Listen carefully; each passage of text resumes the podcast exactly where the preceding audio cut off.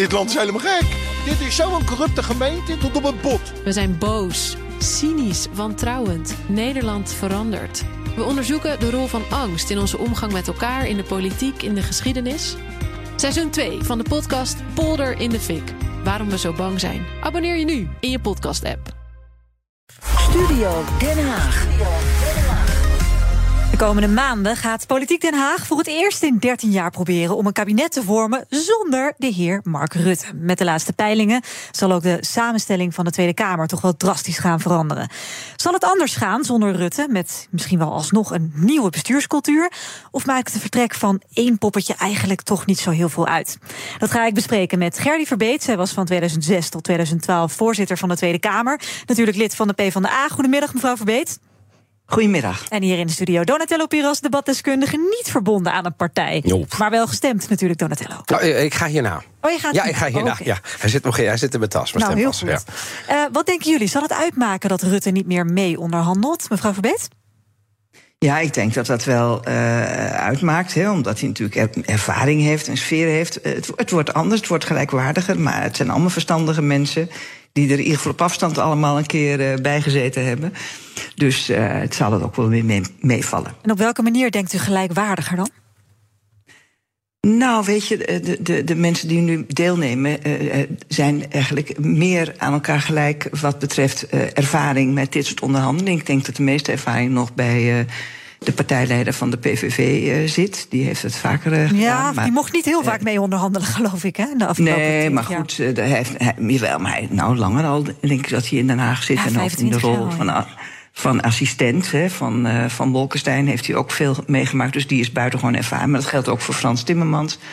En eh, nou ja, Rob Jetten is natuurlijk ook geen eh, onbeschreven blad. En dan hebben we nog Pieter Omtzigt. Die heeft natuurlijk ook al heel veel, heel veel onderhandelingen van enige afstand.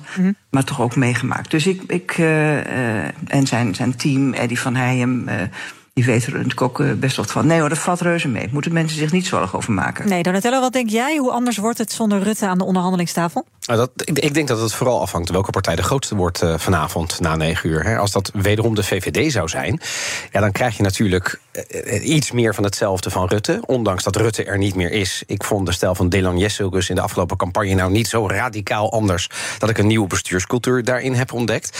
Kijk, als andere partijen, zoals bijvoorbeeld eh, eh, eh, GroenLinks Partij van de Arbeid, eh, de grootste worden, heb je een andere cultuur. Hè, Timmermans zit al lang niet in Den Haag, eh, heeft wel veel ervaring. En dat betekent dat je iets anders mee gaat krijgen. Eh, in ieder geval in de onderhandeling voor, de, in- voor de formatie. Ja. Dat betekent iets anders dan hoe er straks gedebatteerd gaat worden in de Kamer. Want dat zijn twee verschillende zinnen. Precies, daar gaan we het zo ook over hebben. Eerst die formatie. Dat gaat natuurlijk volgens een, ja, volgens mij een vrij strak protocol, toch, mevrouw Verbeet? Dus dan vraag ik me ook af, hoe belangrijk zijn de poppetjes eigenlijk als je toch eigenlijk alles eh, van dat protocol moet hebben?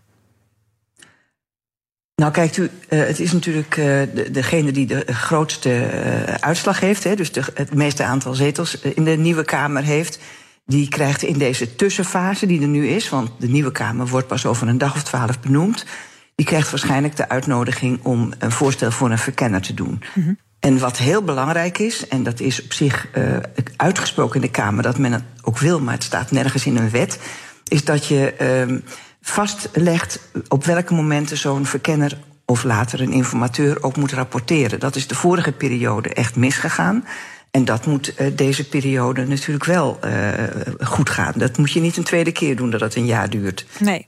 Nee, want het was inderdaad ook. Hè, het ging geloof ik afgelopen keer met een hele hoop briefjes steeds over de voortgang tussendoor. Er stond niet zo heel veel in. We zijn er nog niet Nee, uit. en, Het nee, duurt nog even. Ze moeten echt, nou, na iedere fase moeten ze echt eh, degene die dan het voortouw gehad heeft eh, uitnodigen om in de Kamer verslag te doen. Ja. Ik denk wel dat men elkaar moet gunnen wat meer dingen geheim te houden. Behalve natuurlijk de eerste eh, ontmoeting met de verkenner, net als vroeger de eerste ontmoeting met de koning, tussen aanhalingstekens. Het was in die tijd nog een koningin.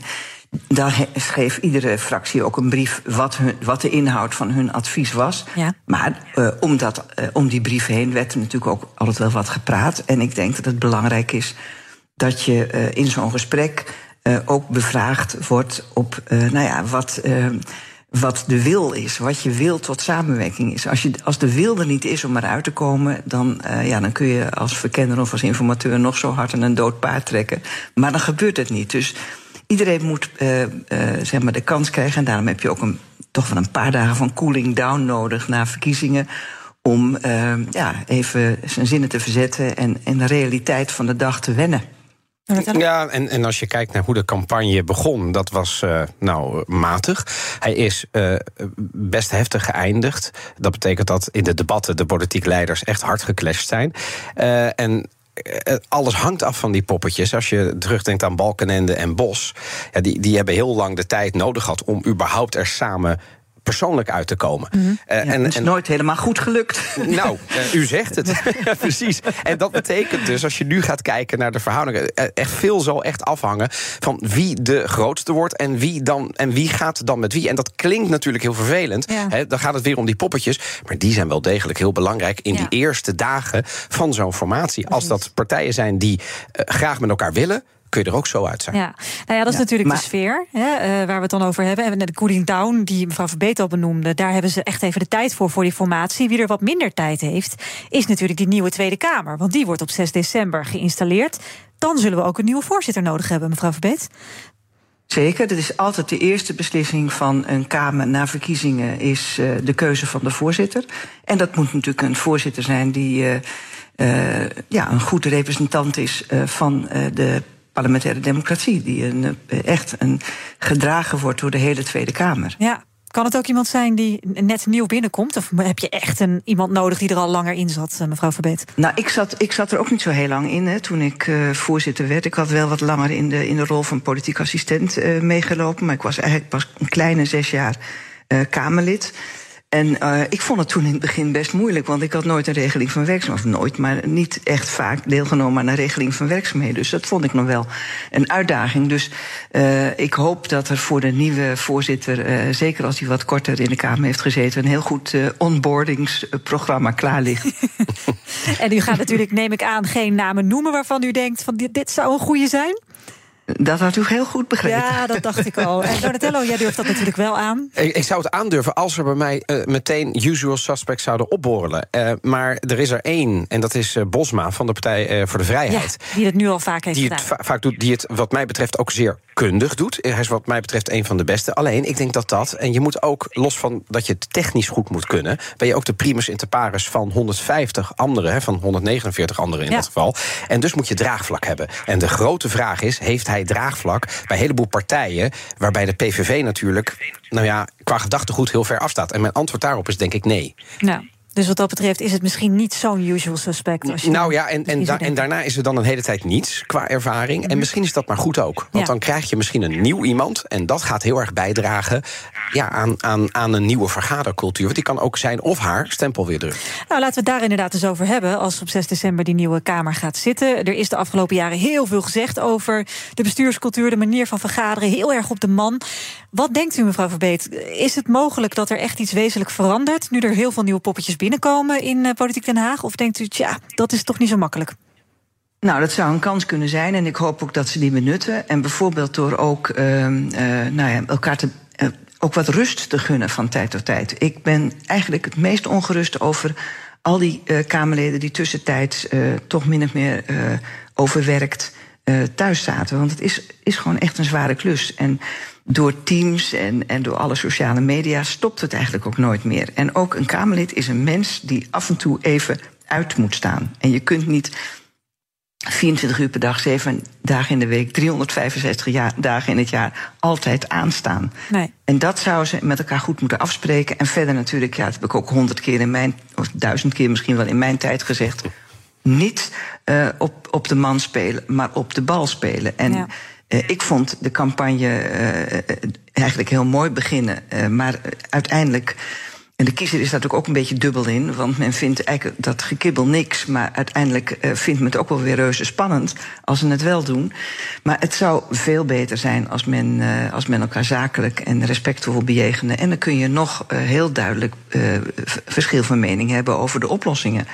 Ja. Donatello, wat denk jij? Is het mogelijk om die bestuurscultuur in die Kamer in elk geval te gaan veranderen? Ja, maar zoiets kost natuurlijk, hè, net zoals dat het in een bedrijf tijd kost. Hè, eh, de, de cultuurverandering, daar wordt ongelooflijk veel over vergaderd. Er zijn heel veel vergaderingen en congressen en strategieën over.